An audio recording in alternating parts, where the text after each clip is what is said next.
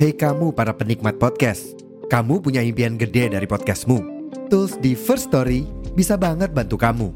Mulai dari F-Link, Dynamic Audio Insertion, sampai statistik yang komprehensif, semua ada di First Story. Gak ketinggalan, kamu bisa monetisasi podcastmu lewat iklan dari First Story Ads yang bisa kasih kamu penghasilan dari setiap place podcastmu. Yuk gabung sekarang dengan klik di firststory.me. Sekali lagi, di firststory.me. Mari kita bawa mimpi podcastingmu menjadi kenyataan.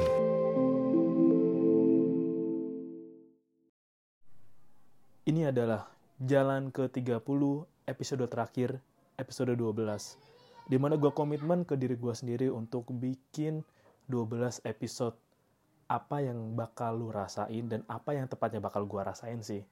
Pas gue masuk ke usia 30 dan gue udah melewati usia 30. Sebelumnya gue mohon maaf kalau ada back sound suara anak-anak karena ini gue bikin persis tanggal 31 di sore hari. Dan langsung aja, ini dia episode terakhir Jalan ke 30.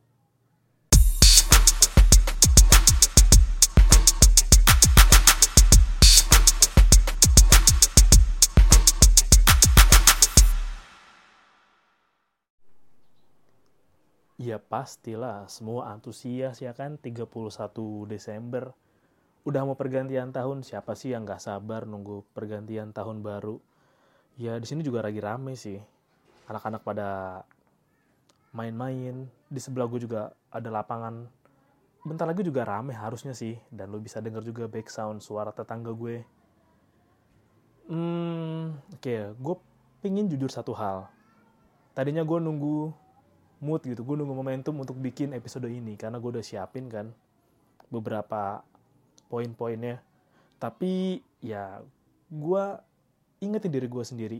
Kalau ngandelin mood nggak bakal kelar nggak bakal jadi nggak bakal selesai dan nggak bakal bagus. Karena kenapa ya? Masa lu mau bagus aja nunggu mood? Ya gue bikin ini bikin aja sesuai jadwalnya walaupun kesalahan gue adalah menunda. Karena kemarin di tanggal 30-nya, gue sibuk maraton video Back to the Future yang akan rilis awal Januari nanti. Oke, pertama-tama gimana rasanya udah usia 30 lewat dan menjelang 2024 rasanya adalah anjing. Anjing. Metabolisme badan nggak bisa bohong. Kayak kemarin makan Aice nggak bisa makan banyak malah banyak mikir, malah banyak merenung, dan malah banyak berkontemplasi. Nikmat enggak? Merenung? Iya. Yang direnungin mulai dari anjing. Gue gak bisa makan gila-gilaan kayak dulu nih, kayak zamannya masih 20-an awal. Yang bisa makan sabrek-abrek. Yang bisa apa aja masuk. Enggak, enggak. Gak bisa dibuangin juga, gampang capek. Gak gampang capek, tapi gampang pegel sih untuk gua yang rutin olahraga aja, gampang pegel gampang. Maksudnya gampang pegel tuh mudah. Apalagi beberapa waktu kemarin, ini anjing emang anjing banget. Badan lagi capek, gua lagi capek banget. Gue pengen tidur istirahat. Malah mimpi aktivitas outdoor. Ya bangun-bangun badan pegel juga sih anjing. Dua kali gua. Aneh banget sih aneh. Tapi emang di usia 30 ini tuh gue ngerasa banyak takutnya. Judulnya adalah Jalan ke-30 episode 12, umur 30 banyak takutnya. Banyak, banyak banget. Mulai dari takut target lu gak tercapai, tar ngerasa takut bahwa lu udah banyak menyia-nyiakan waktu lo, takut kalau lu gak bisa bikin keluarga kecil lu bahagia, takut lu gak bisa bikin orang tua lu bangga, takut kalau lu nggak bisa bayar cicilan, takut kalau usia lu nggak lama, takut kalau lu bisa sakit kapan aja, lu bisa mati kapan aja. Takut. Banyak banget takutnya. Banyak banget. Takut kehilangan temen belum termasuk. Takut lu nggak bisa beradaptasi sama hal yang baru. Dari teknologi, dari bagaimana lu adaptasi di tempat kerja lu misal sama anak-anak yang lebih muda sama Gen Z. Takut lo ketinggalan obrolan. Takut lu gue takut juga gue takut nggak bisa nerima materi baru lebih efektif. Takut bahwa gerakan gue nggak bisa secepat waktu muda. Kelincahan gue takut juga bahwa makin gendut.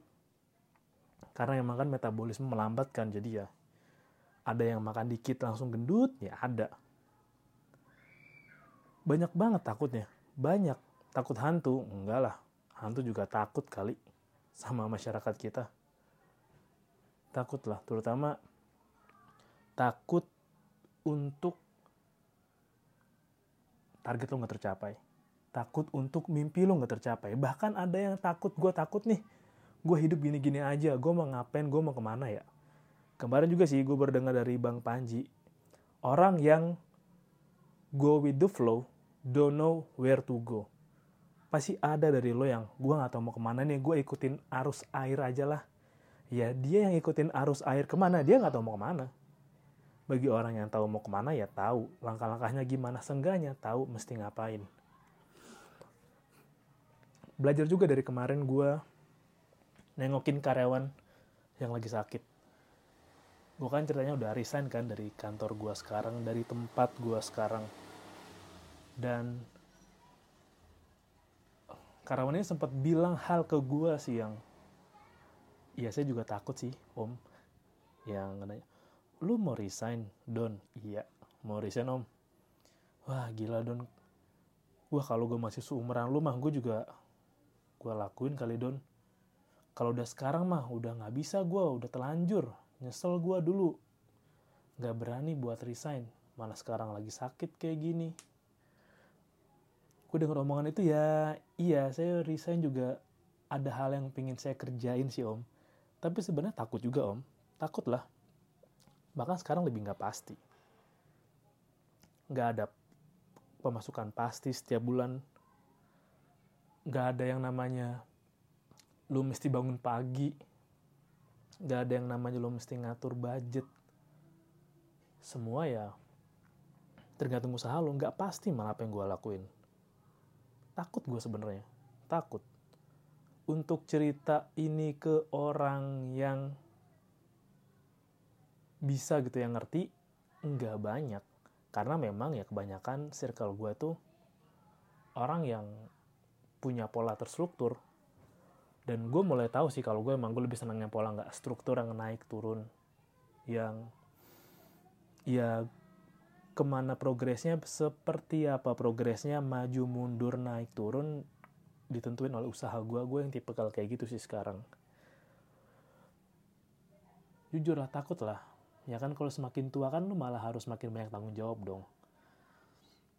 Dan ya nanti gue siapin sih alasannya persiapan sebelum memutuskan resign, persiapan cadangannya, teknisnya kayak apa, ya memang kita yang merencanakan tapi Tuhan kan yang menentukan dan keadaan juga kan yang menggambarkan. Bisa nggak nih target kita tuh tercapai? Takut lah nggak mungkin nggak takut. Tapi pas kemarin gue nonton komedi gym gue ngeliat satu hal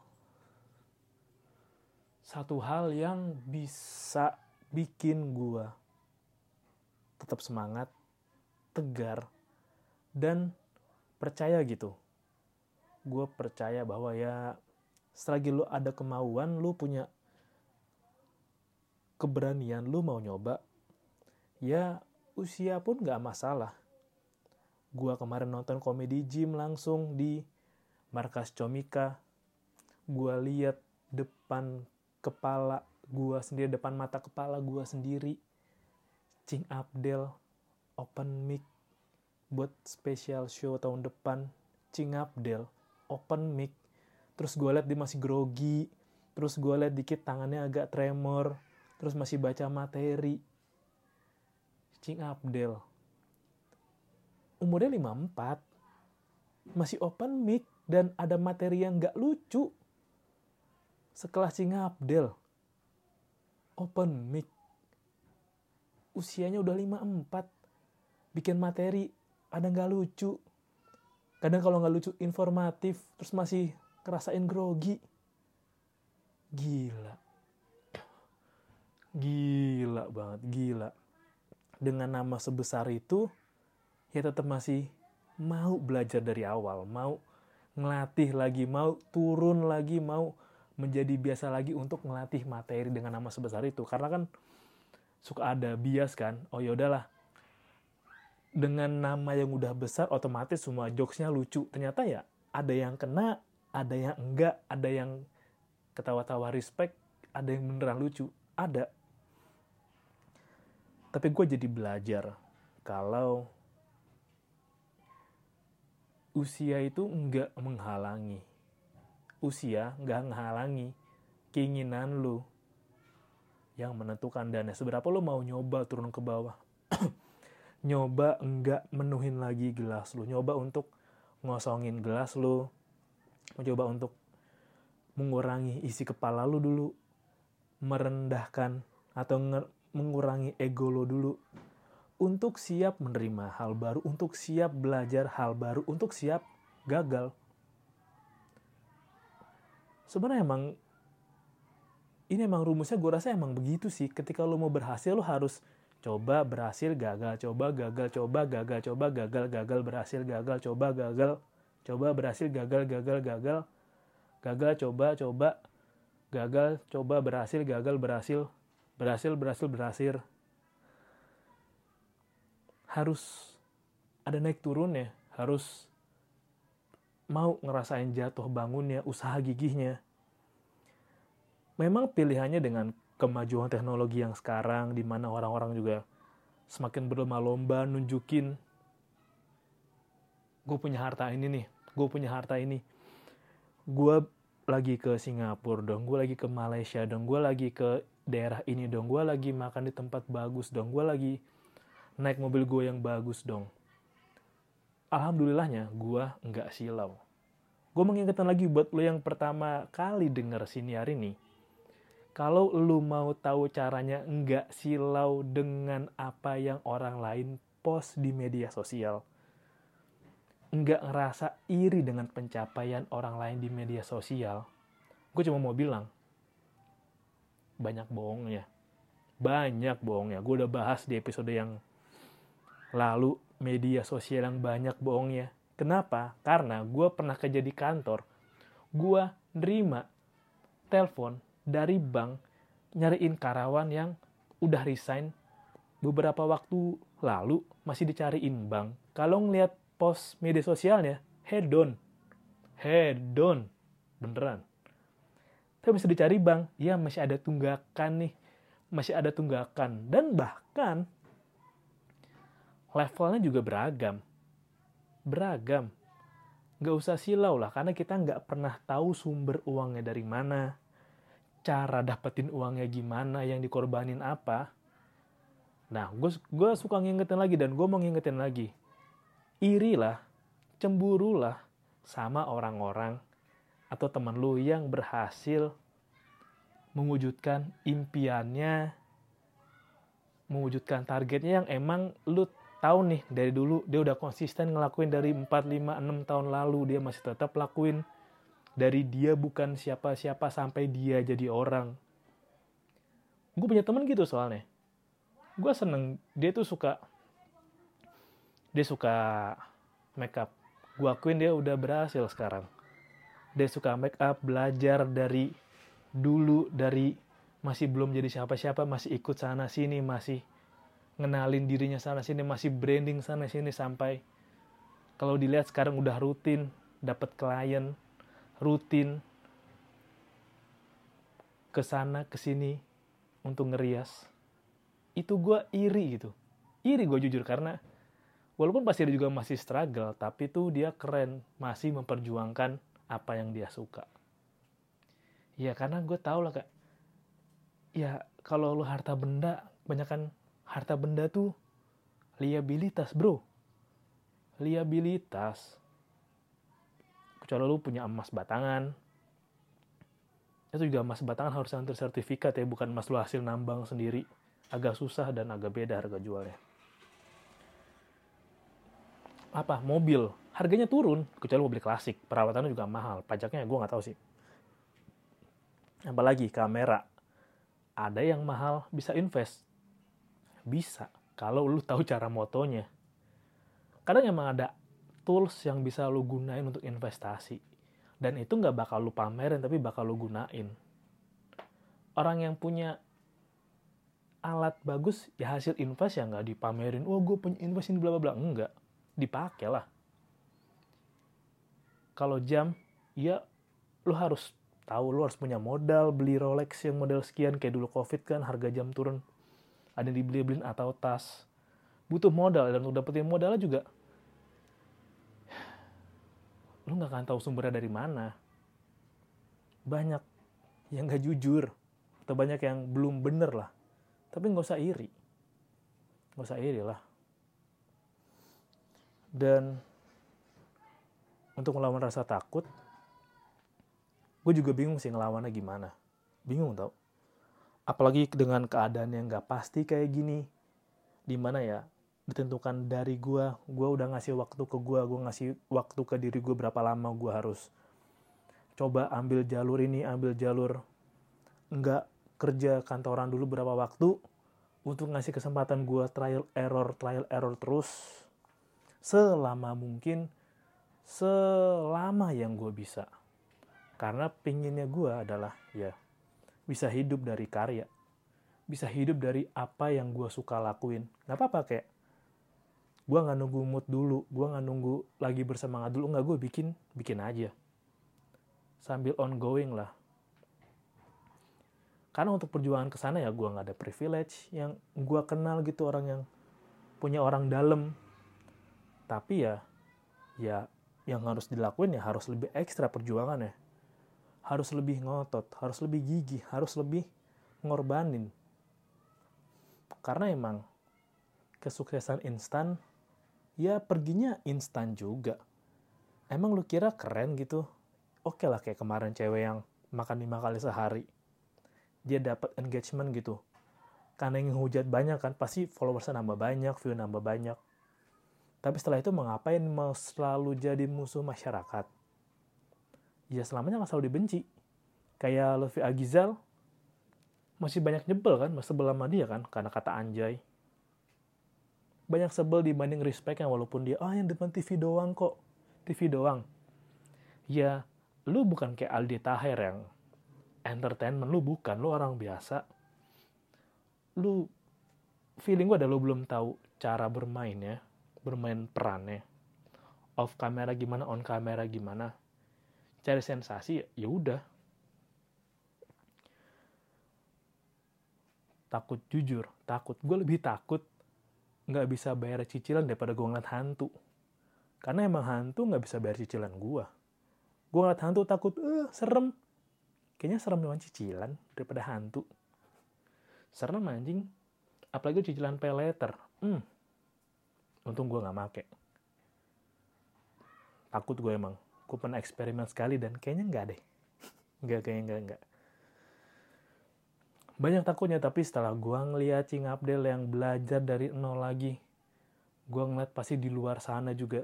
Kalau gue ngeliat stand up comedy gitu kan ngeliat komika ya. Komika gitu belajar ngelawak. Ada yang dari nggak lucu sampai jadi lucu. Untuk orang jadi lucu aja ada yang perlu setahun, dua tahun, tiga tahun, empat tahun, lima tahun. Bahkan kalau tebang penjai, di Amerika aja ada orang yang perlu waktu berapa tahun untuk bisa lucu. Bahkan ada yang bertahun-tahun nggak lucu, masih ada, ada lah. Tapi tetap masih belajar dan berjuang. Walau memang ya ada yang mediocre, ada yang stand up untuk hobi, ada yang benar-benar berusaha berkarir. Tapi ya lo emang perlu kasih waktu buat diri lo kasih waktu untuk salah, kasih waktu untuk gagal, kasih waktu untuk mencoba lebih. Pasti akan mengorbankan kesehatan lo, pasti akan mengorbankan uang lo. Tapi, ya emang itu harganya. Harga untuk apa yang bakal lo terima. Ya nggak bisa lah ketika lo mau beli mobil misalkan yang 200 juta, lo hanya modal janji-janji kampanye gitu, atau modal kata-kata kosong, ya nggak bisa lah lu bukan motivator. Bahkan motivator yang kamu kalau ingin sukses bla bla bla juga perlu modal buat promosi TikTok. Kayak PT apa itu? Yang bilangnya saya CEO bisa beli mobil cash. Tapi nongkrong di Indomaret lesehan duduk minumnya satu botol new green tea. Kayak new green tea deh. Ya kan? Udah 2024 bro. Udah mau tahun kampanye. Udah ada yang makan korban juga. Sedih sekali. Sedih gue ngeliat ada korban dari kampanye kayak gini. Belum lagi isu black campaign di mana-mana. Isu saling sikut saling fitnah. Ah anjing lah. Mending lu fokus aja ke diri lu sendiri deh. Lu fokus untuk benahin diri. Fokus lah karena kalau lu belain orang yang bahkan gak tahu lu ada capek. Tapi kan dia tahu gue ada bang. Tapi emang seberapa bisa dia ngasih dampak buat hidup lo lo yang ngasih dampak buat diri lo sendiri lah. Tapi emang rasa takut tuh kan selalu ada sih. Dan kalau buat gue rasa takut itu harus dilawan. Harus dilawan. Dilawan dengan cara bikin rasa takutnya lebih kecil dari rasa berani lo dan usaha lo. Kayak ya mungkin emang cara mengatasi fobia adalah dijijelin dengan fobia itu. Tapi itu nggak berlaku buat fobia kedalaman laut ya. Atau fobia ruang sempit. Itu nggak berlaku. Misalkan lo fobia atau lo fobia dengan cicak. Cara ngelanginnya ya dihadapin dengan cicak langsung. Biar lo nggak takut. Atau misalkan lo takut sama benang jarum. Ya lo mesti ngeliat benang jarum secara langsung. Hadapan head to head atau lo misalkan ya takut dengan hantu ya lo mesti head to head langsung sama hantu. Head to head langsung kayak lo mah serem doang lo tapi lo nggak ngambil hak orang nggak apa-apa dah. Udah banyak banget rasanya. Tapi nggak kerasa juga sih udah 12 episode. Gimana rasanya udah usia 30 yang dirasain yang dipikirin oleh gua terutama dan orang yang di sekitar gua. Rasanya kayak apa khawatirnya kayak apa kalau udah berkeluarga Aduh mikirin biaya sekolah kayak apa, takut nggak bisa kasih pendidikan yang bagus, takut nggak bisa kasih benefit atau kasih fasilitas yang bagus buat anak, takut nggak bisa ada buat anak karena full kerja terus, takut nggak bisa in time atau me time sama anak karena weekend masih bahas kerjaan, pulangnya malam terus dari kantor, banyak takutnya lah. Tapi kalau lo emang mau ketujuan lo, lo punya tujuan lo mau ke mana, ya pengorbanannya adalah usahanya dan rasa takutnya harus bisa jadiin dorongan untuk lo jauh atau seenggaknya terhindar dari ketakutan lo. Selamat tahun baru 2024. Gue harap lo yang punya mimpi besar mulai dulu dari langkah kecil. Gak usah ngebut-ngebut. Santai, pelan, bertahap, tapi pasti jalan terus. Buat lo yang 2024 berharap pada perubahan baik, lo yang berubah dulu. Lo yang mulai perubahannya dari diri lo sendiri. Jangan berharap orang lain berubah buat lo. Dan buat lo yang 2024 ingin punya presiden yang baik, pastiin dulu. Lu pelajarin rekam jejaknya.